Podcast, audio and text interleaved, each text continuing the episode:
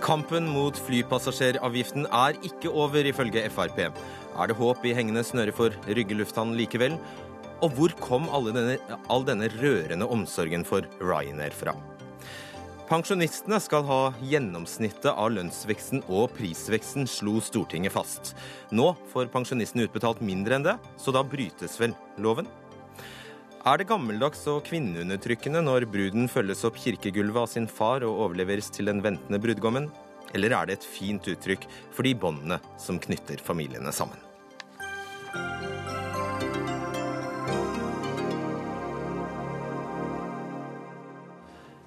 Da er klokka passert 18. Du ser eller hører på Dagsnytt 18. Jeg heter Fredrik Solvang. Ja, Først til eh, saken som har skapt eh, voldsomt politisk rabalder i dag. Rygge flyplass legges ned 1.11. dersom Rainer velger å avvikle basen sin der, som følge av den utskjelte flypassasjeravgiften på 88 kroner med moms per billett.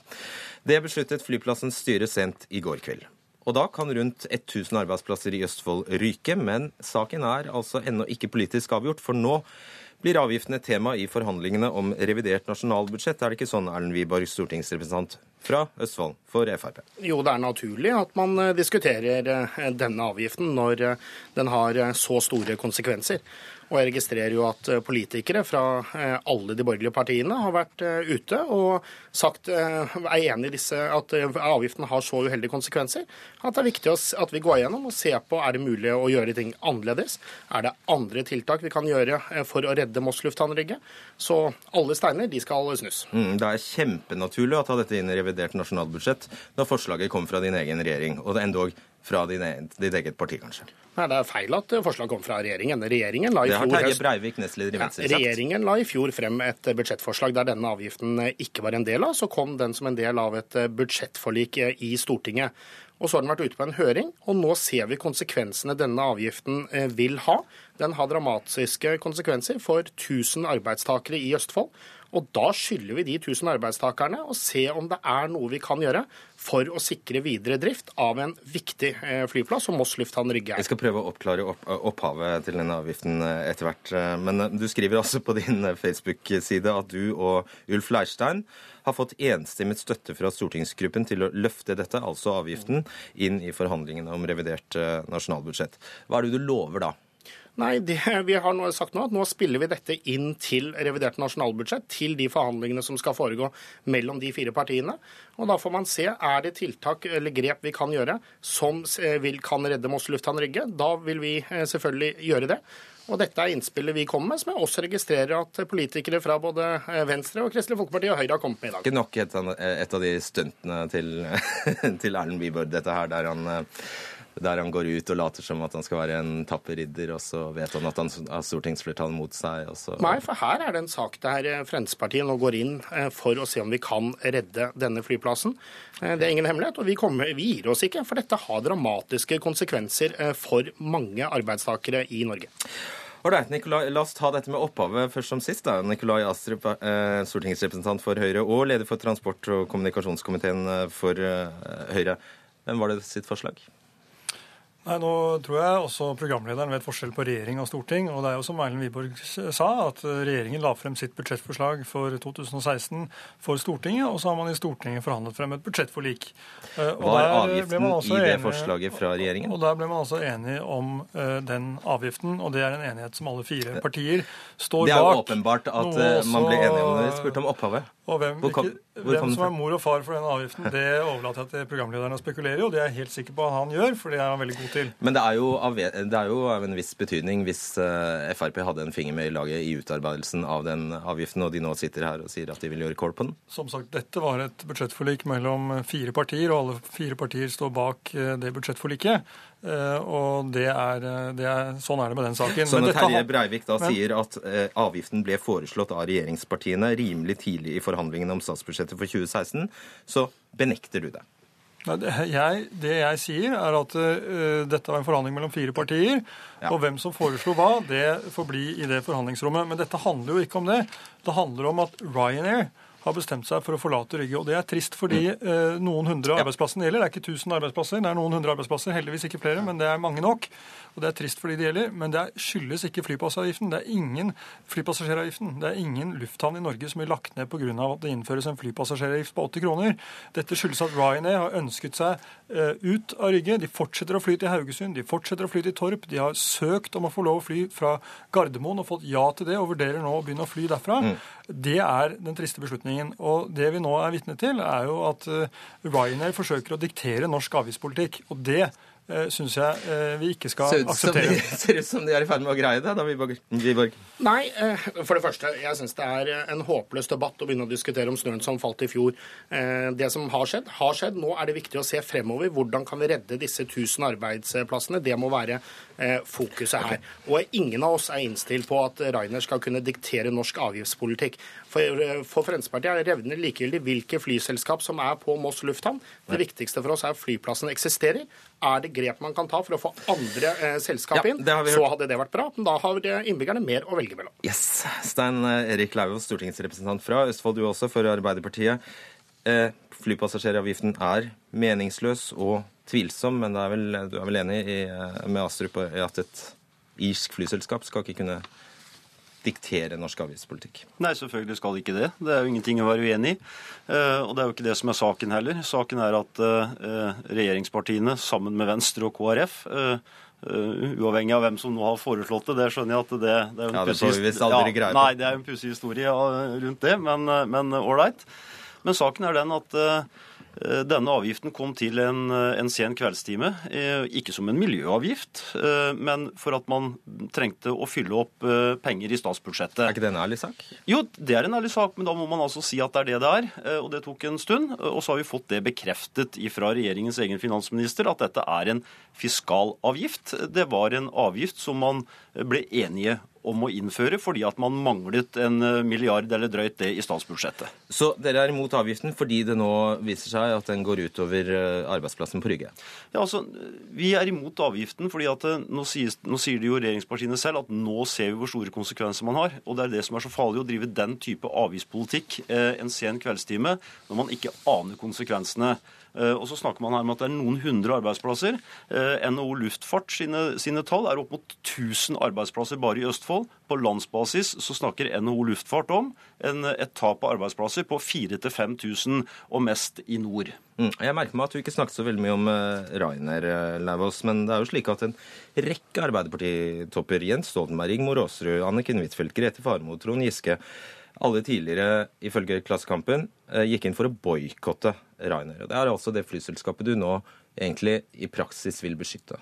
Nei, dette handler ikke om Ryanair. Dette, det handler om, en, dette handler om en flyplass, uh, flypassasjeravgift som ble innført av regjeringspartiene og støttepartiene fordi at man trengte mer penger til statsbudsjettet. Så enkelt er det. Og det er, det er ikke mange Ryanair-fly som flyr ut fra Nord-Norge, og de vil totalt miste flere okay. arbeidsplasser enn Østfold. Men nå er det altså 1000 arbeidsplasser i Østfold først og mm. fremst som står på spill, og det er ille nok.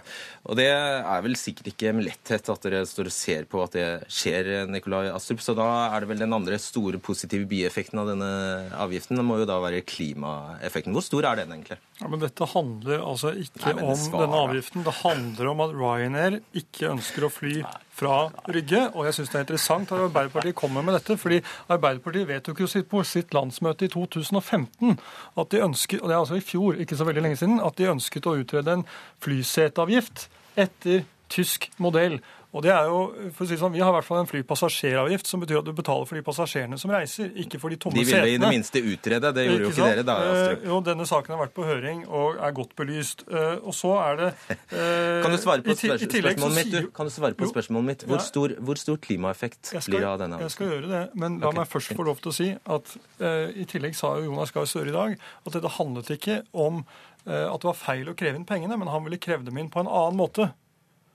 Og det sier jo på en måte alt om Arbeiderpartiets ståsted i denne saken. Det er mye viktigere å kritisere regjeringen og prøve å skåre billig politisk mynt på skjebnen til mange hundre Ja. mennesker som nei, nei. nå står i fare for å miste jobben. Det er enn avslørende, dette å få med Dette- konkrete Unnskyld meg, unnskyld meg. Dette er altså bare tøys. Eh, og det, er, det er liksom ingen grenser for hvor langt de ønsker å Ja, gå fra Høyre og Fremskrittspartiet for å forsøke å avspore debatten.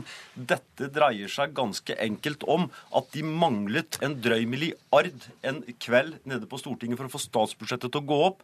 Og så ble man enige om, på den ene eller andre måten eh, der inne på det rommet, om at vi innfører en nå? uten, uten Ja.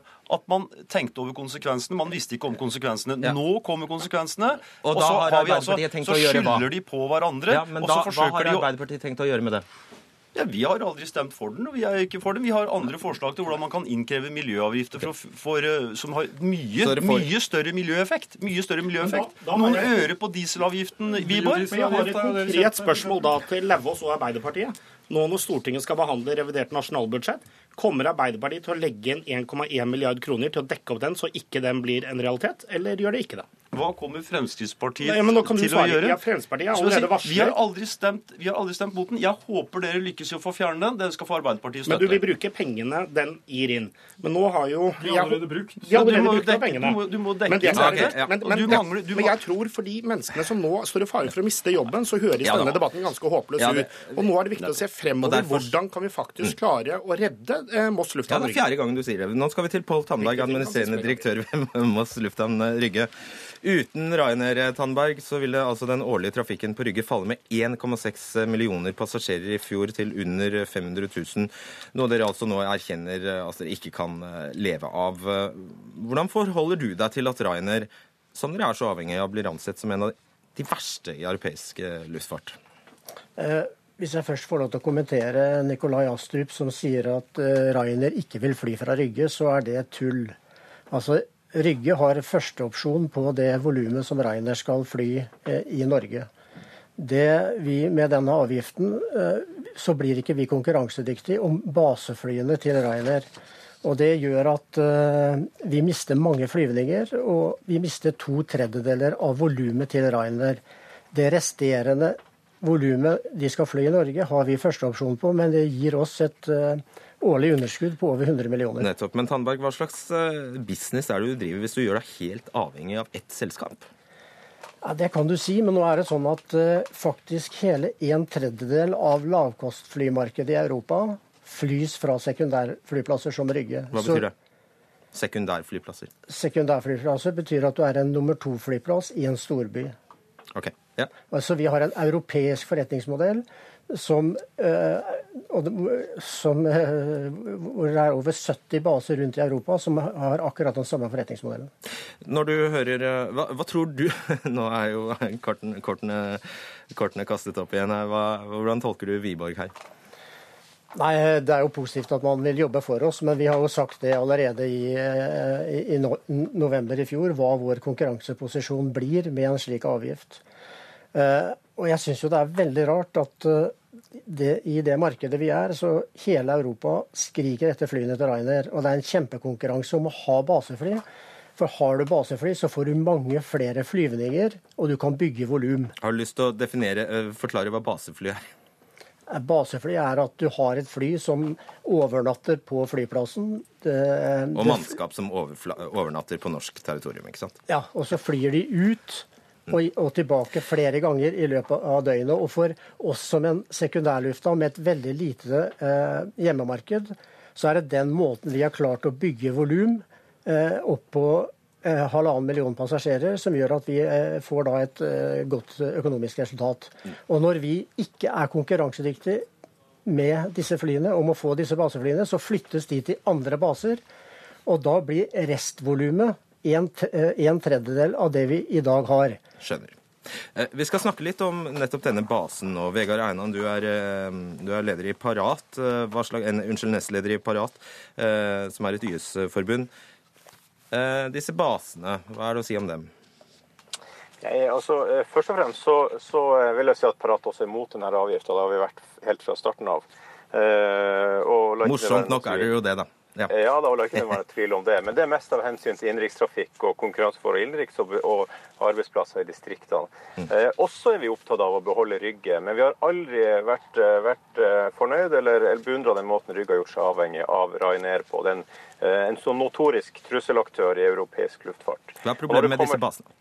Ja, og det som går på basene, det er jo nettopp det at det her, den flypassasjeravgifta som de nå bruker som et påskudd for å, for å flykte fra Rygge, eh, den kom nok beleilig for dem. For at de vet at i september så kommer siste runde i høyesterettssaken som Parat har mot dem i forhold til lovvalg, at de ansatte de har stasjonert på Rygge må følge norsk lov. I dag så følger ikke de ansatte norsk lov. De betaler ikke skatt, de har ikke sykepenger, de betaler ikke feriepenger, de har ikke pensjonsordninger, sånn som norske arbeidstakere har. Og Det medfører at de i tilfelle, når vi har vunnet den saken i september, vil øke personalkostnadene sine med 30-40% bare på sosiale avgifter. Eh, Det nærmeste eksempelet er i fjor sommer, når dansk rettsvesen sa at i Danmark så må Rainer gjerne ha base på Kastrup, men da må dere følge dansk lov. Og danskene, de danske ansatte kan kreve dansk tariffavtale. Rainer sa da at da legger vi ned basen, men de flyr dit allikevel. Og de flyr ganske mye. Og det kommer til å skje på Rygge, og det kommer til å skje i Norge. Det er ikke avgifter. Det er det at de aldri vil følge lovene i det landet de flyr til. De vil snylte på alle oss andre, og de vil snike seg unna og betale det som fellesskapet har lagt opp til. Tandberg, du blir brukt, og det hadde du oppdaget hvis du hadde sett litt ut av landet. Eh, nei, det er jo det her en, eh, som sagt en kjent forretningsmodell i Europa. Eh, og det er jo den måten Ryanair har blitt Europas Det å jo ikke skatte til landet de er i, ja. For eksempel. altså jeg er ikke Ryanair, så Ryanair må svare for det. Altså Den måten vi har brukt Ryanair på, er at én ansatt i luften er ti på bakken. På den måten har vi bygd et volum og skapt 1000 arbeidsplasser. 500 direkte og 500 indirekte. Og det var et tverrpolitisk enighet om at Orkla og Olav Thon skulle bli med på et uh, tiltak for å skape arbeidsplasser i Østfold, og det har vi klart. Jo, men, Basert eh, på en kjent europeisk Ja. forretningsmodell. Men, men Tandberg, bare- ta tak i det, bare svar på det Einan, sier. og Det kommer jo i tillegg her, altså det at det, det, det er bare skalkeskjul, dette her med de, den lille avgiften på 88 kroner. Det er ikke derfor uh, Rainer trekker seg ut av Rygge. Det er, det er pga. helt eh, andre, andre saker, bl.a. denne dommen som eh, skal avsies fra Høyesterett. Ja, Det får han mene, men nå er det sånn i lavkostmarkedet at 80 kroner er faktisk 20% av en gjennomsnitt eh, billettpris i det markedet. Og når prisen går opp med 20% så er priselastisiteten i dette lavkostflymarkedet såpass at da detter etterspørselen med 30-40 mm. Og da, når du da skal fylle flyene opp med 90% kabinfaktor, så blir ikke vi konkurransedyktige kost, kostnadsmessig i Norge. Men da er det jo helt merkelig at Rainer snuser på Oslo lufthavn Gardermoen. Nei, det er ikke merkelig, fordi som sagt, vi mister baseflyene. Vi mister ikke Ryanair. Ryanair, Vi har førsteopsjon vi på alt Ryanair skal fly i Norge. Men når de sier at de kan gi oss 500 000 eh, passasjerer, så taper vi 100 millioner. Og da må vi si til Ryanair tusen takk for det, men da klarer ikke vi å overleve. Og da vil Ryanair, som de har sagt, eh, måtte disponere de flyene et annet sted, og da vil det sannsynligvis bli på Torp og Gardermoen. Men vi har førsteopsjon, og det er ikke Ryanair som flykter fra, eh, eh, fra Rygge. Det er en stor misforståelse eller et politisk eh, retorikk. Ja, Einan, svar på et Ja. veldig enkelt spørsmål. Syns Parat vi skal fly mindre for å spare klimaet? Parat er opptatt av at vi skal få et grønt skifte. Eh, Og Hvordan det gjøres, det må være opp til politiske myndigheter å avgjøre. Men vi er ikke verken for eller imot å fly mer eller mindre, og har ikke noen kommentarer til det nå. Men det som er viktig i forhold til Rygge, det er jo det at Rygge bør jo bruke denne muligheten, som resten av norsk næringsliv, til en omstilling og få inn flere aktører. Og hvis man ikke, hvis man ikke er attraktiv med de rammevilkårene og det grunnlaget man har i dag, som jeg syns er merkelig, for man har en helt egen, egen mulighet til å fastsette avgifter, så bør man jo heller be om politisk støtte og, og politiske tiltakspakker til å gjøre Rygge til en, en riktig og en sunn konkurrent som ikke er avhengig av Michael O'Leary sin velsignelse for å drive. Michael O'Leary han flykta fra Marseille, han flykta fra København, og nå flykter han fra Rygge fordi at Parat og norsk rettsvesen kommer til å tvinge han til å følge norsk lov. Det er realiteten. Ok. Astrup, hvert eneste år øker flytrafikken fra Gardermoen, eh, stort sett også i hele, i hele landet, men spesielt på Gardermoen. Og Avinor jobber utrettelig for å øke langdistanseflygningene inn til fra, fra Norge. Det er det de i hovedsak driver med. De ønsker mer luft, at vi skal fly mer. Det er staten som gjør det på den ene siden, og så har du staten som ilegger en avgift på den andre siden for å oppnå det stikk motsatte. Det henger jo ikke på greip, dette her. Altså, jeg mener at forurenser betaler-prinsippet er fornuftig. eh, Og, og det tror Ja, jeg men da må du egentlig gi Avinor et helt annet mandat, Det tror jeg da. egentlig de fleste partier på Stortinget gjør, eh, for å være helt ærlig. Eh, Og så er luftfarten i Norge omfattet av EUs kvotesystem. Og konkurrerer med andre utslipp fra kullkraftverk og andre deler i Europa. Men la meg bare si at jeg syns Parat peker på noe veldig sentralt her. Nemlig at grunnen til at Ryanair legger ned basen i Norge, knyttes ikke til flyplassavgiften. Den er ikke stor nok til å kunne utløse dette. Den er heller ikke konkurransevridende, for den rammer alle flypassasjerer helt likt i hele landet, bortsett fra i distriktene.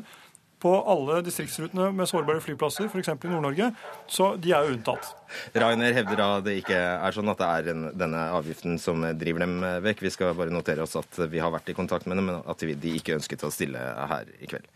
Takk skal dere ha, Nikolai Astrup, Stein Erik Leivås, Vegard Einan og med, og med oss fra Moss, Pål Tandberg. Erlend Wiborg, du blir med videre. Dagsnytt 18 alle hverdager kl 18.00 på NRK P2 og NRK2.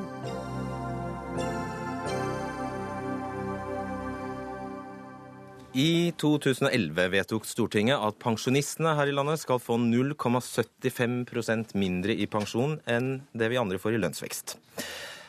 Og Det har jo vært en ganske grei deal for pensjonistene i en del år nå, ettersom lønnsveksten har vært formidabel. Men som vi vet, i to år på rad og i flere år framover er det ventet lavere lønnsvekst. Og da havner pensjonistene plutselig i minus.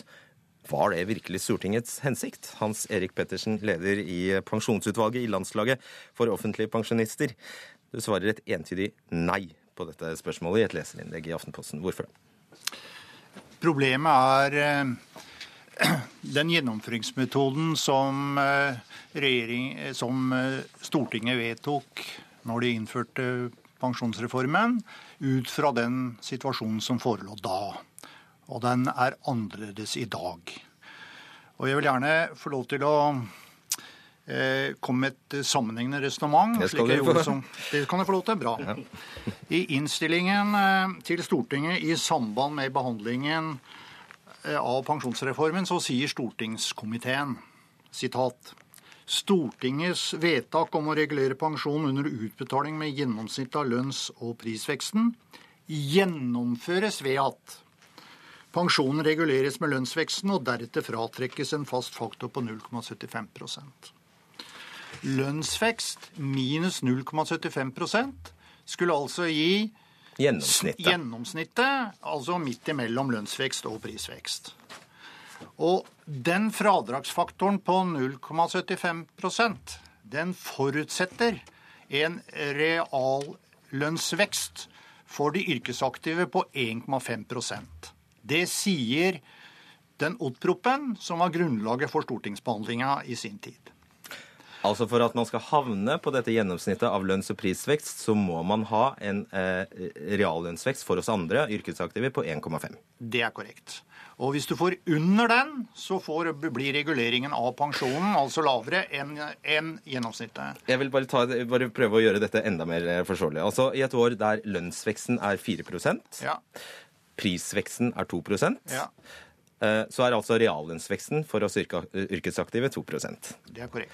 Og da blir snittet 3% Det er er altså det gjennomsnittet du snakker om. Ja. Og det er det dere mener at dere skulle hatt, og Stortinget har Det er vedtatt at det dere jeg skulle ha. mener storting, eh, pensjonsreformen egentlig innbærer, for de sier at det skal være snittet av pris- og lønnsvekst. Og eh, hvordan er da situasjonen nå? Altså Fram til og med 2013 eh, så var det noen gylne år. Da lå den over 1,5. Men fra og med 2014 så ligger reallønnsveksten under 1,5 Eh, og i 2015 så var den på 0,7. I 2016 på minus 0,4 ifølge revidert nasjonalbudsjett. Og i 2017 0,4 og i 2018 0,6 dersom SSBs eh, Yes. prognoser slår til. Og bare for å, bare for å oppsummere, altså Hovedanliggendet ditt er altså at Stortingets forutsetninger for denne avkortingen er ikke til stede lenger. Nei, ikke hvis det skal holde seg innafor det pensjonsreformen sier, nemlig at du skal få snittet av pris- og lønnsvekst. Og Derfor bør Stortinget endre denne gjennomføringsmetoden, slik at de opp 2013 år, i praksis det resultatet som de sier pensjonsreformen skal innebære. La oss sjekke med, med en som jobber med dette daglig, pensjonsøkonom i KLP, eh, Øyvind Røst. Stemmer det slik Pettersen sier, og som for så vidt alle pensjonistorganisasjonene hevder, at det var Stortingets hensikt at pensjonistene skulle få snittet av lønns- og prisvekst, og at Stortinget forutsatte at reallønnsveksten for oss andre skulle være 1,5 Eh, Ja. Eh, Pensjonsreformen tok utgangspunkt i at det skulle være gjennomsnittet av pris- og lønnsveksten. Men i slutten av pensjonsreformen, da ble det vedtatt at det var lønnsveksten fratrukket 0,75% som skulle være reguleringsfaktoren. Hvordan skjedde det? Eh, Det var departementet og eh, Stortinget som kom fram til at det var en bedre reform. For å gjøre det enkelt, er det. Det er en forenklingsmetode. Mm. Tok da Stortinget høyde for at pensjonistene med denne utregningsmetoden 0,7 fratrekk på 0,75% kunne havne langt under snittet? Eh, Det ble drøftet i proposisjonen. Eh, De gikk ut fra at det var usannsynlig at det ville skje ofte, men de tok høyde for at det kunne bli negativ eh, reallønnsvekst for pensjonistene. Men veldig lite sannsynlig. Lite sannsynlig. Og vi er der nå. Hva altså hva, hva hadde skjedd da om Stortinget hadde fulgt eh, Pettersen og, Pettersens og, og pensjonistorganisasjonenes primærkrav, altså om å få samme lønnsvekst som oss andre? Den, eh, siden 2011 så ville pensjonen i snitt blitt regulert med 2,6% hvis man hadde brukt gjennomsnittsmetoden, mens den har blitt regulert med 2,7% Og det harmonerer med det du sa, Pettersen. Så de, fått, de har faktisk fått mer med denne metoden? De har fått mer med denne metoden, men de vil få mindre hvis reallønnsveksten er lavere enn 1,5% Og det er det som skjer nå. Hva hadde da skjedd om man hadde brukt et snitt av lønns- og prisvekst i stedet for denne faktoren på 0,75? Da ville pensjonen ha blitt regulert med 2,6% 2,6% Og det ville- I gjennomsnitt. I gjennomsnitt. Og hva ville da skjedd i La oss si at vi andre får negativ reallønnsvekst. Hvilke utslag vil det gi for uh, Bare vil- forklar forskjellen. Da vil den reallønnsveksten for pensjonistene den blir, blir enda dårligere enn for lønnsmottakerne. De får 0,75 lavere. Ja, nå, nå, nå mente jeg motsatt. motsatt. Hvis, du bruker, Motsatt, ja. hvis, du, ja, hvis du bruker snittet, så vil altså pensjonistene komme mye bedre ut. Da kommer de bedre ut enn lønnsmottakerne. Nettopp. Ja, veldig kort. Eh, Vi ønsker jo prinsipielt at vi skal følge lønnsutviklingen til de yrkesaktive, slik at da, i slike tilfeller så må vi legge inn en sikringsbestemmelse som sikrer at eh, dersom de yrkesaktive får, lav, får negativ reallønnsvekst, så skal pensjonistene få det samme. Altså den samme negative. Dere skal rett og slett følge oss andre. Det er det dere ønsker. Ja, i hvert fall en sikringsbestemmelse i forhold til den eh, om snittet av lønns- og prisvekst. Skal det, bør det i hvert fall være. Og som gammel forhandlingssjef så er jeg vel vant til sikringsbestemmelser. Det tror jeg på. Rigmor Aasrud, stortingsrepresentant for eh, Arbeiderpartiet. Si meg, hvorfor er det rettferdig at eh, pensjonistene skal få 0,75% mindre i eh, lønnsposen enn hos andre? Ja, det er flere ting å si om det. Eh, Helt fra 1967, da vi fikk folketrygden i Norge, så har det vært en, en regulering tilsvarende det vi nå ser. Men det er riktig som det blir sagt, etter pensjonsreformen så ble det gjort en annen teknisk måte å, få, å beregne dette her på. Det hadde sammenheng med at du hadde lønnsoppgjør i mai, og du visste ikke hvordan prisstigningen var for året var omme, og så fikk du etterslep og overheng og masse sånne ting. Derfor så bestemte man seg for at man skulle bruke den metoden man nå bruker, som er lønnsvekst minus 0,75% og Det er jo et resultat av det store pensjonsforliket som eh, vi hadde for noen år siden. Da så alle partiene at det ikke var bærekraft i det pensjonssystemet som vi hadde. Det ser vi jo rundt oss i Europa. Og da var det sånn at man, mange hadde jo interesser inn i det det oppgjøret. De som er pensjonister i dag, hadde sine interesser. Vi som eh, skal bli pensjonister om noen år, eh, måtte også bidra inn i det oppgjøret. Vi må jobbe lengre før vi får pensjon, og vi får levealder. Og Derfor så er det der et skjørt kompromiss. Pensjonsoppgjør, eh, pensjonsforliket var et kompromiss der mange, mange måtte ta og gi. Ja, så Og når det var- spørsmålet mitt egentlig var er det, hvorfor er det rettferdig? Ja, det, det har altså vært sånn siden Det har bare vært sånn? eh, Jo, men, men det har jo sammenheng med at de som er i arbeid, bidrar jo til, til verdiskapning, til penger inn. Og, og derfor så ble det et sånt system da folketrygden kom i, i 1967. Og, og reguleringen har vært gjort på litt forskjellige måter, men hele tida har det vært samme prinsippet som har ligget til grunn. Så kom det en praktisk endring rundt pensjonsforliket eh, for noen år siden. Som hele Altså, på Stortinget så var det jo da alle partier unntatt Fremskrittspartiet Fremskrittspartiet som sto bak det pensjonsforliket. Men Fremskrittspartiet har jo i Sundvolden-erklæringa sagt at de stiller seg bak eh, pensjonsforliket. sånn at nå er det jo alle partier på Stortinget som støtter opp om det her. Det er jo det i praksis, eh, Erlend Wiborg, stortingsrepresentant for Fremskrittspartiet. Det er i praksis ingen forskjell på dere to. Jo, det er, en, det er flere vesensforskjeller. Eh, det ene var som sa at Fremskrittspartiet var imot eh, pensjonsreformen. Og det var jo, som Rigmor Aasrud heldigvis her i dag innrømmer, at bakgrunnen for pensjonsreformen var jo at man ønsket å spare penger, og at det var landets pensjonister som skulle få kutt i sin pensjon, sånn at politikerne kunne bruke pengene på andre gode og mindre gode formål. Eh, og Derfor stemte Fremskrittspartiet mot det. Men så var, sto Fremskrittspartiet alene om det. Og da er det selvfølgelig en naturlig konsekvens nå at eh, vi må selvfølgelig forholde oss til det et flertall i Stortinget har vedtatt, frem til det eventuelt eh, endres. Men dere har jo lovt gull og grønne skoger? Ja, Fremskrittspartiet ønsker det. Og det er jo derfor vi har gjort flere tiltak for landets pensjonister. Vi har redusert avkortninga for gifte og samboende pensjonister.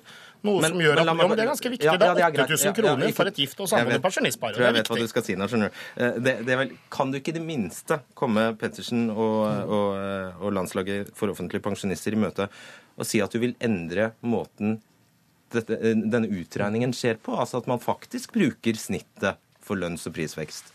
Ja, jeg, Fremskrittspartiet vi er villige til å diskutere det eh, i tiden fremover. Men igjen, Stortinget visste hva man eh, gjorde da man til syvende og sist fattet det endelige vedtaket i 2011.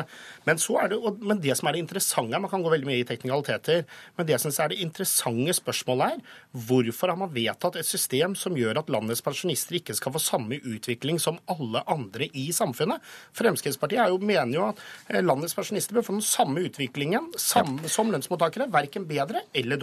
Ok, Når du hører Aasrud, det, det de foregående sa her, eh, Pettersen og, og, og, Røst, at det var Stortingets helt klare intensjon at, at pensjonistene skulle havne på dette snittet, og nå gjør de det ikke. Da må jo noe gjøres.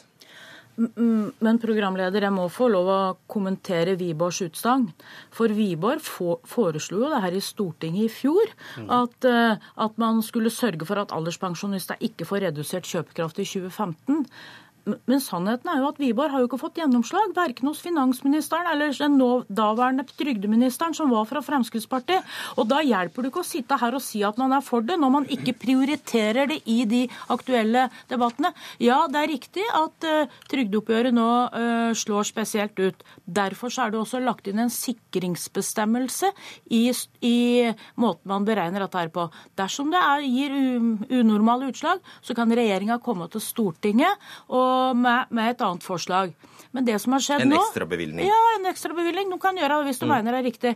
Men det som regjeringa har gjort nå, er jo at man sørger for at trygdeoppgjøret ikke kommer til Stortinget. Stortinget er jo fratatt muligheten til å diskutere trygdeoppgjøret nå, fordi man har fjerna trygdeproposisjonen som egen sak og bare pakka det inn i revidert nasjonalbudsjett. Det, det, er, det, er, feil. Stortinget skal jo diskutere dette i forbindelse med revidert nasjonalbudsjett. Men ikke som en egen sak. Men ikke nei, som en egen sak. Nei, men, men igjen, det som er meget spesielt der, er Rigmor Aasrud hun er i hvert fall ærlig nok til å innrømme at Fremskrittspartiet fremmet forslag i Stortinget i mai i fjor om å endre dette systemet. Ja, men dere er totalt Også, impotente, var jo hennes poeng. fordi dere kommer jo ikke av flekken. Nei, du har helt rett. Vi fikk ikke flertall for det forslaget. Bl.a. pga. Rigmor Aasrud og Arbeiderpartiet stemte men, imot det men, forslaget. Men altså, nå må jo Fremskrittspartiet sitter i regjering, og det å sitte i regjering betyr jo faktisk at man har mulighet til å prioritere ja. og komme med sine egne forslag. Men man kommer ikke fra regjeringa med noe forslag til Stortinget om det her. Derfor så viser det at Wiborg har jo ikke gjennomslagskraft for sine forslag i eget parti. Hans Erik Pettersen, altså, hvis du nå påkaller eh, en ny utregningsmetode Eh, burde du strengt tatt ikke, hvis du skulle være prinsipiell, ha kommet for to, tre, fire år siden, da det var gode tider? Eh, det er riktig at det var bra tid for eh, da, men da hadde vi fokus på at vi skulle følge lønnsutviklingen til de yrkesaktive. Og det var riktig at det lå nærmere lønnsveksten enn det lå prisveksten den gangen. Nå har vi fokus på at du er nødt til å endre gjennomføringsmetoden, slik at ikke pensjonistene får en dårligere utvikling enn det pensjonsreformen egentlig sier, nemlig snitt av pris og lønn. Ja, Men dere fikk jo mer enn snitt av pris og lønn jo, i mange år. Jo, men det hjelper oss ikke i dagens situasjon, hvor, vi, hvor de tallene som jeg la fram, viser at vi har en har en reallønnsvekst under det kritiske tallet 1,5% og vi har til til dels betydelig under realvekst på 1,5% slik at vi kan opplever både i 2017 og 2018 en negativ realvekst for pensjonistene. slik at jeg håper at Stortinget nå tar tak i saken og går inn og ser på gjennomføringsmetoden dersom de faktisk ønsker å beholde pensjonsreformen eh, som en eh, troverdig eh, reform. Ja, og det er jo stort Hva, hva gjør dere også? Vil dere Vil du sørge for det? Vi sitter jo ikke i regjering. Nei, men dere er Norges største være- parti. Ja, og vi har sagt at det finnes en sikringsbestemmelse, så dersom regjeringa ønsker det, så kan man komme. Men vi står fast på pensjonsreformen. Det var nødvendig å gjøre noen endringer. Det var et stort spleiselag. Så man en, la man en ny beregningsmetode, og den la vi inn en sikringsbestemmelse for, sånn at man kan komme til Stortinget hvis man ønsker det. Og da er det veldig synd, programleder, at vi ikke har en egen sak i Stortinget. Og det kunne jo være interessant å høre hva regjeringa kommer til å gjøre. Det er jo kanskje like interessant i denne saken Og det får du ti sekunder til å svare på. Ja, Regjeringen må selvfølgelig følge det Stortinget eh, har vedtatt. Dessverre har et flertall på Stortinget vedtatt dette eh, usosiale pensjonsforliket. Og det kan innebære at noen pensjonister får negativ kjøpekraftsutvikling. Men da er jeg i hvert fall veldig glad for at Rigmor Aasrud og Arbeiderpartiet ikke styrer, for da hadde landets pensjonister fått ytterligere 8000 kroner Og da har vi notert oss at det var altså ikke Stortingets eh, intensjon at så skulle skje. Det har bare skjedd. Ikke sant? Og vi venter på en handlekraftig regjering, hvis det er det man ønsker. Takk Og jeg venter på at Stortinget skal ta tak i saken Ja. og endre gjennomføringsmetoden. Takk. Takk skal dere ha. Hans Erik Pettersen, Øyvind Røst, Rigmor Aasrud og Erlend Wiborg.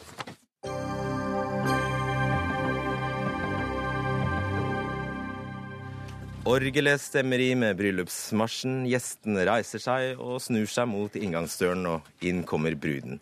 Arm i arm med sin far, som leder henne opp til den ventende brudgommen. Ja, et for mange rørende ritualer som utspiller seg i mange norske kirker året igjennom. Berit Aalborg, politikk- og samfunnsredaktør i eh, Vårt Land. Ikke rørende for deg. Du lar deg ikke bevege. Hvorfor ikke? Jeg må bare si at jeg syns alle brylluper er rørende. Jeg har vært i mange brylluper der hvor også bruden er blitt fulgt inn av sin far. Men det som er mitt poeng, er at når far følger bruden, så er det en del av en diskriminerende tradisjon. Ehm, sammen med andre ting, som at bruden tar eh, brudgommens navn. Eh, og jeg har vært opptatt av å løfte fram det poenget at når eh, vi ser på dette utelukkende som en veldig hyggelig tradisjon, så bør vi også gjøre det samme når man f.eks. har kvinner som bruker hijab. Du gifter deg vel ikke hver dag, men du går kanskje med hijab ja, hver dag? Det, og sånn sett er ikke de to tingene sammenlignbart. Men likevel, det er en tradisjon som noen sier at de velger selv. Så det er det som har vært mitt poeng. At dette er to forskjellige tradisjoner som vi må da Vi kan ikke løfte fingeren mot den ene og så si at det andre bare er en hyggelig tradisjon, når det faktisk er sprunget ut av en ganske diskriminerende viktoriansk tradisjon som jeg har skrevet om. Og så er det heller ikke helt nytt. Altså, det, unnskyld, er, det er ganske nytt i Norge. Kommet etter andre verdenskrig. Men mener du på ramme alvor at det er et uttrykk for kvinneundertrykking? Altså, jeg mener ikke at de brudene i dag som går opp og, og i arm i arm med sin far, er undertrykket. Nei. Men jeg mener at det er en undertrykk, altså det er, det har sprunget ut av en undertrykkende tradisjon. Og jeg skulle ønske at norske jenter som velger å gjøre det, i hvert fall tenke igjennom hva, hva det er det, dette representerer, sammen med f.eks. skifte av navn. Nettopp. Morten Horn, humanetiker og eh, lege. Er det greit i 2016 at uh, norske kvinner skal på en måte overgis som en eiendom fra far til uh, ektemannen? Altså, Det avhenger av hvilke briller man ser dette her med. da. Det er åpenbart at man kan se dette med la oss si, feministiske briller. altså Se på dette som et uttrykk for en kjønnskamp, eller hvordan vi behandler mennesker avhengig av kjønn. Det er en måte vi kan se det på. og kan, Det er helt sikkert at hvis man går dette etter i historien og ser på det liksom sånn sosialantropologisk, så kan det godt være at det, denne tradisjonen har sitt utspring i ting som vi i dag syns er helt forferdelig. Men det er jo sånn at altså, vi har jo ganske sånn eh, mange jenter med bein i nesa i Norge. Og mange syns likevel at dette er greit. Og det er vel det er ikke sikkert at du er nødt til å se på dette her som et uttrykk for kjønnskamp. Jeg ser det mer som et uttrykk for en tradisjon, eller altså en konvensjon. Det er noe som man er vant til å gjøre. Hvor gammelt det er, har ikke så mye å si, men jeg tror at de som gjør det i dag, jeg tror ikke de tenker på at dette her har en undertrykkende betydning, og da, da trenger vi ikke la det gjøre heller. Og jeg vil, vil si at vi kan jo se på det som noe helt annet. Eh, La oss si at dette er uttrykk for at faren eh, fører eh, datteren sin opp til eh, der de skal gifte seg, og så liksom gir han henne fra seg. Men det, altså, dette eierskapsforholdet som faren har til datteren sin, da, eller sønnen sin for den saks skyld, eh, vi kan se på det som noe som, noe, som det er et objekt man eier, og noe man som kontrollerer og styrer over. Men for meg så handler det mye, mye mer om at dette er uttrykk for de båndene som er så utrolig sterke i Mm. familien, og som egentlig er en veldig positiv ting.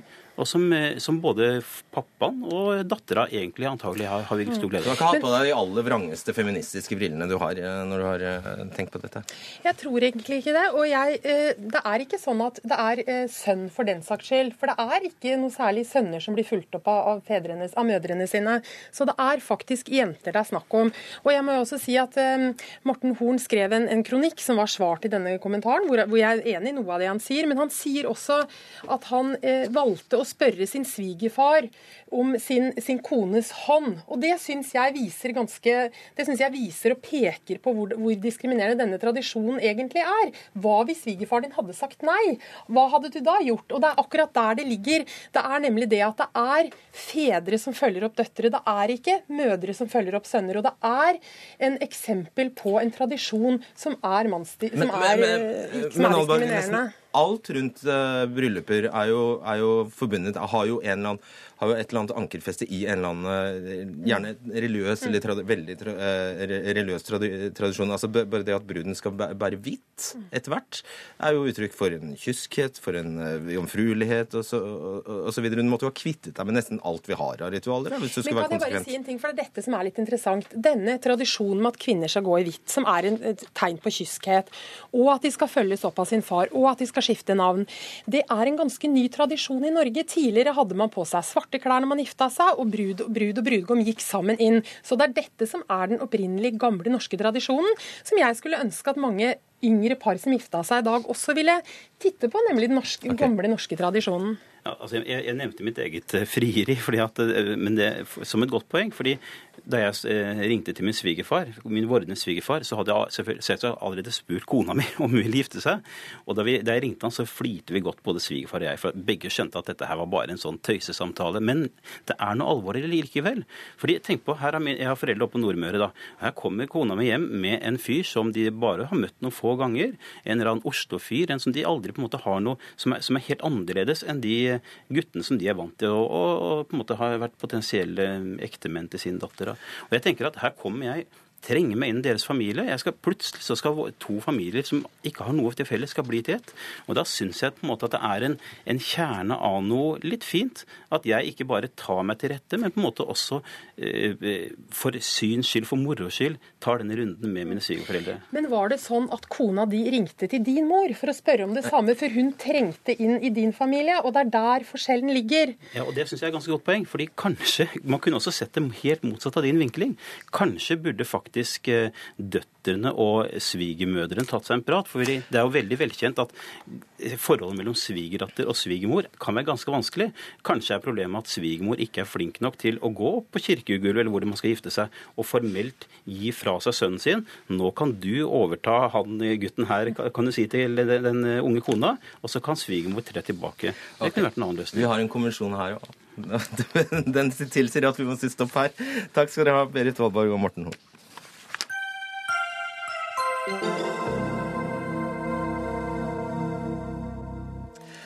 Virker offentliglova, eller eh, offentlighetsloven som et hinder for at dyktige kandidater søker seg til toppjobber i offentlig sektor?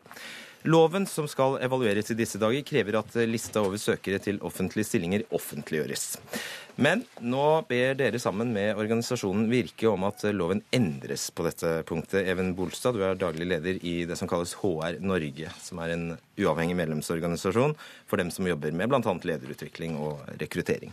Eh, Og I en kronikk i Dagens Næringsliv skriver du at det eh, finnes flust av eksempler på at gode kandidater unnlater å søke på offentlige stillinger pga. de åpne søkelistene. Kan du gi noen typiske eksempler? Hadsel kommune hadde tre kandidater til rådmannsstilling. Alle trakk seg. Eh, vi hadde høyesterettsansettelse for ikke lenge siden. Eh, og det, de måtte gå ut med, de måtte eh, be om unntak fra, fra disse bestemmelsene for, for, å få inn de kandidatene de ville. Helsedepartementet for eh, noen år siden de skrev rett ut at forutsetning for i det hele tatt å få habile søkere er at man begår såkalte omgåelsesstrategier. Vi har forskning fra Oxford Research som viser at omgåelsesstrategier, dvs. Si at man i beste mening for å få de beste kandidatene inn, jukse litt med systemet. Eh, og vi har gjort en egen undersøkelse, Virke, som, som er en arbeidsgiverorganisasjon, og HR Norge. Og 65% av mennesker som vi, individene som vi har kontaktet, som sitter med ansettelser av ledere i offentlig sektor, de sier at gode kandidater glipper. Og så syns jeg det er verdt å merke seg at nå går vi altså sammen med en arbeidsgiver Sier de at gode kandidater glipper pga. loven? Pga. loven. Alright. Og Vi går altså sammen med en arbeidsgiverorganisasjon, som er Virke, og vi går sammen med en arbeidstakerorganisasjon, som er lederne. Og vi er rørende enige. Og vi har også en stor heiagjeng bak oss, som er eh, ganske så enig i det vi går ut med nå. Ok. Siri Gjeddedal, journalist i Kapital og leder av Norsk Presseforbunds offentlighetsutvalg. Nå ligger det jo i pressens natur at man skal ønske mer eh, åpenhet, men eh, tar du inn over deg det Bolstad faktisk sier? Altså, det er jo et stort poeng at man skal ha de beste der det trengs også. Det er veldig kjente argumenter. Jeg tror vi skal ta ett skritt tilbake først. Innsyn i forvaltningens dokumenter det er helt grunnleggende for demokratiet. Vi skal vite hvordan byråkratiet, nei, og forvaltningen forvalter våre skattepenger og felles verdier. Offentlighetsloven sikrer den tilgangen. Og For å få en opplyst og kunnskapsbasert debatt, så må du ha innsyn i dokumenter før beslutningene er tatt. Så er det noen unntak. Lovbestemt taushetsplikt, rikets sikkerhet og forretningshemmeligheter, grovt sett. Og så mener eh, da Bolstad at vi skal få enda et unntak på generelt grunnlag. Alle søkerlister i det offentlige. Det er helt vanvittig, og vi går sterkt imot det. Det er uheldig og farlig, og det åpner for manipulasjon i en helt annen størrelsesorden. Hvorfor er det vanvittig? Fordi at de kan gjøre hva de vil i hemmelighet. Det skal ha debatt om viktige stillinger, og jo viktigere stilling, jo viktigere er det med debatt. Men du vet det er store huller i dag. Altså er, som, som Bolstad sier, så er det masse, masse, anledning til omgåelse i dag. Ja, men det er noe av det absurde i Bolstads innlegg. At fordi det, loven brytes, så forsvarer han det. Og så skal det bli sånn, så skal de få lov til å gjøre det. Det er, altså, det, det er, det er litt absurd. De kan jo prøve om loven virker først, ja. Vi har prøvd en stund, da. Og, og, og jeg er helt enig i, i, det du er ute etter, altså for god forvaltningskontroll. Men, men, men, åpenheten den, er jo ikke, den har en egenverdi, men det er ikke et mål. Det er, men det er et uhyre viktig middel. Men det er et dilemma. altså På den ene siden så ønsker alle av oss, og, og vi, vi, har også presisert at det er absolutt noe vi eh, forsøker å finne ordninger i forhold til, å unngå alt som heter kameraderi og nepotisme og den type ting. Men samtidig og, så er det altså et dilemma. Så dere vil unngå alt det der, men vi, vil ha mer lukkethet? Vi vil, men det er et dilemma. Og et dilemma det er jo det at det er noe du ønsker, og noe annet du ønsker. Og du klarer ikke å få begge deler samtidig. Og, og, og samtidig som vi ønsker å unngå dette, så ønsker vi faktisk det beste for virksomhetene og det beste for samfunnet. Ja, Da må jeg bare smette inn. Jeg må bare spørre deg, Hva slags ærend er du ute i, egentlig? Hva, hvis, du får, hvis, du hadde fått viljen din nå, hva, hvor, hvor mye enklere hadde jobben din eller deres blitt da? Eh, altså det vi er eh, ute etter, det er å gjøre det best mulig for våre medlemmer. Og det er de som sitter og har ansvar for ansettelser, og som skal ivareta eh, virksomhetens tarv. Og, og, og, tre av fire av dem sier altså at søkelister i seg selv de fungerer ikke etter hensikten. Det gir ikke noe selvstendig trygghet. Altså, og, bare for å si det, altså, Du er en prisbelønnet journalist. Skuppris og, alt mulig. Men med respekt å melde, det meste av den typen offentliggjøring som går på på, på, på søkelister, det er ikke på det nivået der sånn. Det er mer på Se og Hør-nivå, uten noe galt om Se og Hør. Jeg må protestere hvis du mener at innsyn i søkelister er grafsing. altså. Hvem som har en viktig stilling og hvem som skal få en inn, viktig stilling, er er kjempeviktig, og det er viktig med debatt om. Og det var ikke hodejegerfirmaene som, eh, som, du organiserer, som fant ut at, eh, at, Brekke hadde et par gærne bachelorgrader på CV-en sin. Det var helt andre utenfor. og Det er bare et eksempel på hva man kan finne uten å ha tilgang til karakterboka som hodejegerfirmaene. Men er ikke dette høyesterettseksempelet ganske, ganske godt av Gjeddedal? Altså at da fikk man jo bare ingen eh, kvalifiserte søkere? Ja, så hadde de et midlertidig unntak, ikke for alle søkere, men for private advokater. Så da hadde de etter en konkret vurdering, etter at de hadde fått få søkere, søkere forsøkt en annen ordning. Og så vidt jeg vet er det nå i den siste søkerunden ikke det samme unntaket. Og du har også hatt private advokater offentlig på søkerlisten. De har faktisk søkt. Det som er verdt å merke seg, er at det finnes et unntak i loven når det er særlig tungtveiende grunner. Og du kan tenke deg en, en, kanskje en bedriftsleder som vil få store problemer med kundene hvis det kommer ut at han er søker i en spesiell prosess, så kan man kanskje få et unntak da. Men poenget her er at det er konkret vurdering av konkrete grunner til å unnta det. Mm. Da går du ikke på et generelt unntak. Det er helt vanvittig at, at, at Båstad vil sette dette her i hardcore med rikets sikkerhet og forskjellige andre ting. Shaffi, eh, Pål Sjaffi, statssekretær i Kommunal- og moderniseringsdepartementet for uh, Høyre. Høringsfristen går ut i dag, er det sånn? Eh, om Høringsfristen går ut i dag, eller? På denne altså lovendringen? Ja, det, kan, det vet jeg faktisk ikke. det er ikke noe lovendring. Det har vært en evaluering okay. av offentlighetsloven. og den... Eh, Glem at jeg spurte. Men, men, men, jeg spurte. Nei, Vil du endre loven? Jo, men vi har ikke tenkt eller, å endre loven. Ja. Nei, unnskyld. Ja. For, for, eh, for vi, vi, har ikke tenkt å endre loven på dette området. Vi, eh, vi er jo enige i at det er en balansegang her. Fordi det, og det er ikke noen ny debatt heller. Disse argumentene har vi hørt før. Det kommer av og til fram Eh, påstander, kanskje særlig om at eh, noen eh, da er i en situasjon som gjør det vanskelig å, å, å søke stillinger, fordi det på en måte gjør at du får noen negativ oppmerksomhet i forhold til den jobben du har. Og da er jo spørsmålet, når vi veier disse tingene opp mot hverandre, hva er da viktigst? Og da mener vi at åpenhet om søkelister er det viktigste. Dette er ikke hvilket som helst stillinger i samfunnet. Det er stillinger hvor du tar beslutninger på vegne av samfunnet. Eh, som er en del av et skattebetalerfinansiert offentlig sektor.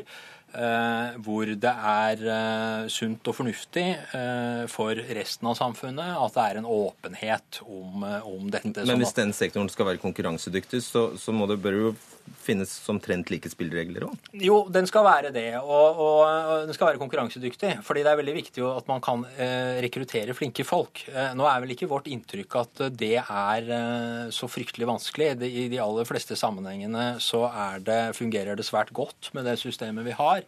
Eh, det kommer mange søkere til disse jobbene. Det er interessante eh, jobber.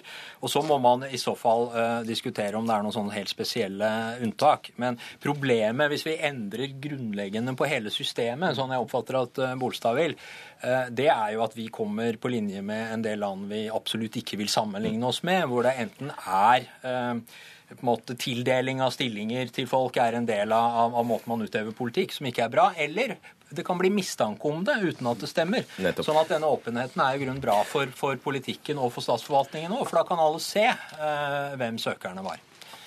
Vi er eh Absolutt. Selvsagt skal vi ha forvaltningskontroll.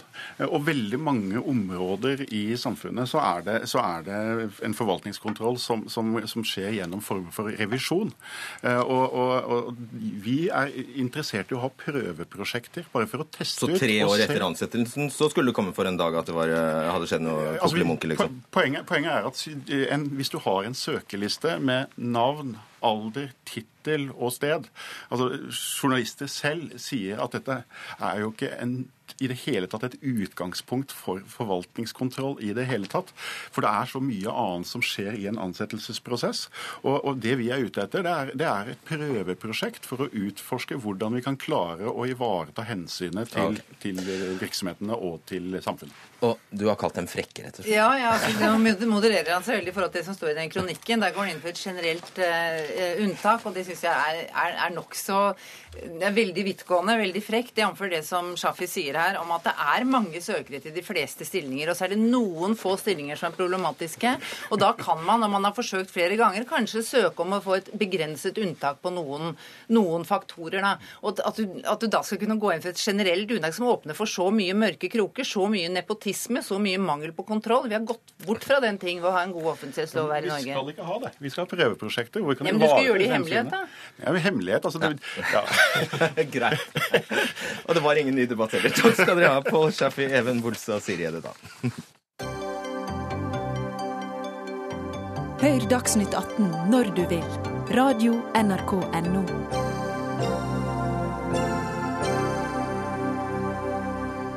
Tidligere denne uka ble det kjent at norske aviser ikke sender noen journalister til Paralympics i Rio. Til sammenligning sitter 18 svenske journalister og fotografer ringside på arenaene for å rapportere hjem om Team Swedens prestasjoner. Det er trist på veldig mange måter, skrev tidligere Paralympics-utøver Cato Zahl Pedersen i en kronikk på NRK Ytring denne uka. Etter dette har Aftenposten kunngjort at de likevel vil sende én journalist hvis de får akkreditering, vel å merke. Men det er altså ikke så veldig mye sammenlignet med de om lag 40 eh, som norske aviser og nyhetsbyrå sender til OL i Rio. Cato Zahl Pedersen leder toppidrett funksjonshemmede, hvis jeg har forstått rett. Er det det dere det På? Olympiatoppen, ja, det på stemmer. Området der, ja. Ja, i Norges idrettsforbund. Vunnet 13 gull og fire sølvmedaljer i Paralympics selv. Ja, én. Én sølv, da. Oh, nei, okay. beklager. eh, Ja, okay. Det var litt skyld på Wikipedia. Ja. Signaleffekten er at uh, norske aviser ikke bare nedprioriterer, men faktisk velger å droppe hele Paralympics. Uh, det er enda mer begredelig, skriver du. Hvorfor er dette, Silje? Det, det er jo ille i lys av eh, hva, hva para, hvilken dimensjon Paralympics eh, har i, i både det internasjonale sportsbildet, men også i det nasjonale. Hvordan det er integrert, hvordan, hvordan hvor, hvor det er, tre, det er 4000 deltakere i Paralympics, det er 2000 pressefolk. Det er ingen trygt presse som følger opp og forteller historiene on site fra Rio. Og det er diskriminerende eh, og opplever som, jeg opplever det underlig at det, at det i hvert fall ikke er vurdert. Eller kanskje det er vurdert, men det er i hvert fall ikke eh, kommet til uttrykk i noe, noe mer enn null. Eh, Nå da med én fra S 100% En kanskje. ja. Eh, fra, er inne, det Ja, all right. Ok. Gard Steiro, nyhetsredaktør i, VG. Er det vurdert? Ja, det er vurdert. Det er vurdert. Eh, Og det er jo ikke sånn at selv om vi eh, ikke drar til eh, Rio, så kommer vi jo til å skrive om dette og dekke det. Det er jo mulig. Vår, det er en spesiell sommer. Det er et OL, det er EM, det er Paralympics, og det er, er sjakk-VM, det har vært hockey. Det er et spesielt år, og vi er nødt til å prioritere. Og så har vår vurdering vært da at vi eh, ikke reiser til Paralympics Hvorfor i år. Nei, fordi vi eh, følger, vi følger de eh, arrangementene der vi mener publikumsinteressen er størst for våre lesere. Og da er vår vurdering at da er OL viktigere for oss enn Paralympics, men vi kommer også til å dekke Paralympics. Og så er det en ting jeg, og det, og det er vi ærlige om, at det er den prioriteringen vi har gjort. Men så er det en ting jeg, altså, som jeg syns er litt vanskelig med argumentasjon, og det er dette at vi at vi diskriminerer og at vi ikke anerkjenner. For det kjenner jeg meg virkelig ikke igjen i. Altså, jeg mener at vi anerkjenner de fantastiske prestasjonene som skjer under Paralympics. Det mener jeg vi har eh, gjort klart på reportasjeplass eh, flere ganger. Altså Senest for noen måneder siden så kåret vi de 100 største idrettsutøverne i Norge, der Sara Louise Rung står på åttendeplass på den listen. Men det er jo nettopp i sammenheng, en slik sammenheng som dette her at dere kunne ha vist at dere mente det i praksis. Jo, men her ser vi at vi felger de idrettene der vi mener publikumsinteressen er størst. Og så er det sånn at, Ja. også vi, må, vi må velge bort andre ting òg. Det er ikke bare Paralympics som er valgt bort i år. Det er jo harde, sånn, kanskje, kanskje bare er sånn. Det kanskje bare er sånn, men det er, altså, jeg syns fortsatt at det er grunn til og det, Vi vil benytte anledningen fremover. For det er altså I den prioriteringen så er det altså en av verdens største idrettsarrangementer som har stor oppmerksomhet. Vi ser når vi dekker det hjemme, så er det øket publikumsinteresse. Det er høna og egget. Hvis du hadde fått frem de historiene i enda større grad, så er jeg sikker på at du hadde fått kanskje et nyere sportspublikum òg, som er ved siden av interessen for x antall sider fotball. For det er, noe, det er noe med en prioritering opp mot det samfunnsansvaret, verdispørsmålet som ligger i en sånn diskriminering. Jeg sier ikke 100% diskriminering, men i den, i den terminologien for å spisse det litt. Og så er det spillereglene. Jeg lurer på hvordan dere skal følge opp og skrive tørre, kjedelige historier fra sidelinja hjemme. Eh, For vi har noen spilleregler i, mellom Olympiatoppen og, og Norsk eh, sportspressegruppeforbund i forhold til hvordan vi skal håndtere dekning, altså hvordan vi skal stille utøvere til, eh, til disposisjon osv. Så, videre. så jeg håper, det er liksom on site. Vi er, vi er online, og det er historiene fortelles fra Rio. For det er mange gripende historier også, ikke bare til, eh, så, så, som kanskje kan overgå prestasjonene. ikke sant? Ja, den visjonen ved siden av det rent resultatmessige og muskler, så er det noen Det er inni en helhet som vi bør begeistre oss om mer i Norge. I en helhet. Og det publikumsargumentet ditt, eh, Steiro, det er vel garantert blitt brukt mot all kvinneidrett eh, i sin tid? Ja, det vet jeg ikke. Jeg bruker det iallfall nå. Jeg kan ikke ta ansvar for hvordan det er blitt brukt historisk, eh, historisk sett. Men jeg skal jo gi det rett i det. altså Det er helt sikkert historier eh, her som eh, vi ikke får dekket godt nok for å ikke være til stede. Det, det ser jeg. Så håper jeg jo at eh, altså når du sier at eh, Jeg håper at Olympiatoppen da velger å være mest mulig åpne for mediene og eh, svare på våre spørsmål og bidra til at dekningen blir så god som eh, mulig, selv om vi ikke er til stede. Men vår ambisjon, og det, sånn har det jo vært altså, så, eh, Det var jo nettopp et, eh, et eh, svømme-EM der eh, Sara Louise Rogn tok mange gull, der vi, også, der vi dekker det og gir det bred omtale, selv om vi heller ikke er til stede i Portugal. Vi skal være åpne, men da må vi også være åpne på spillereglene. For vi, kan, vi, vi vil gjerne at dere bruker 100 000 og kommer til Rio, og så kan vi snakke om hvordan vi kan eventuelt møte dere for å være enda bedre og levere historier til dere. Ok, greit. Kanskje dere møtes Rio. Takk skal dere ha. Denne sendingen er over. Dag Dørum, Erik Sandbråten og Fredrik Solvang var ansvarlig for den.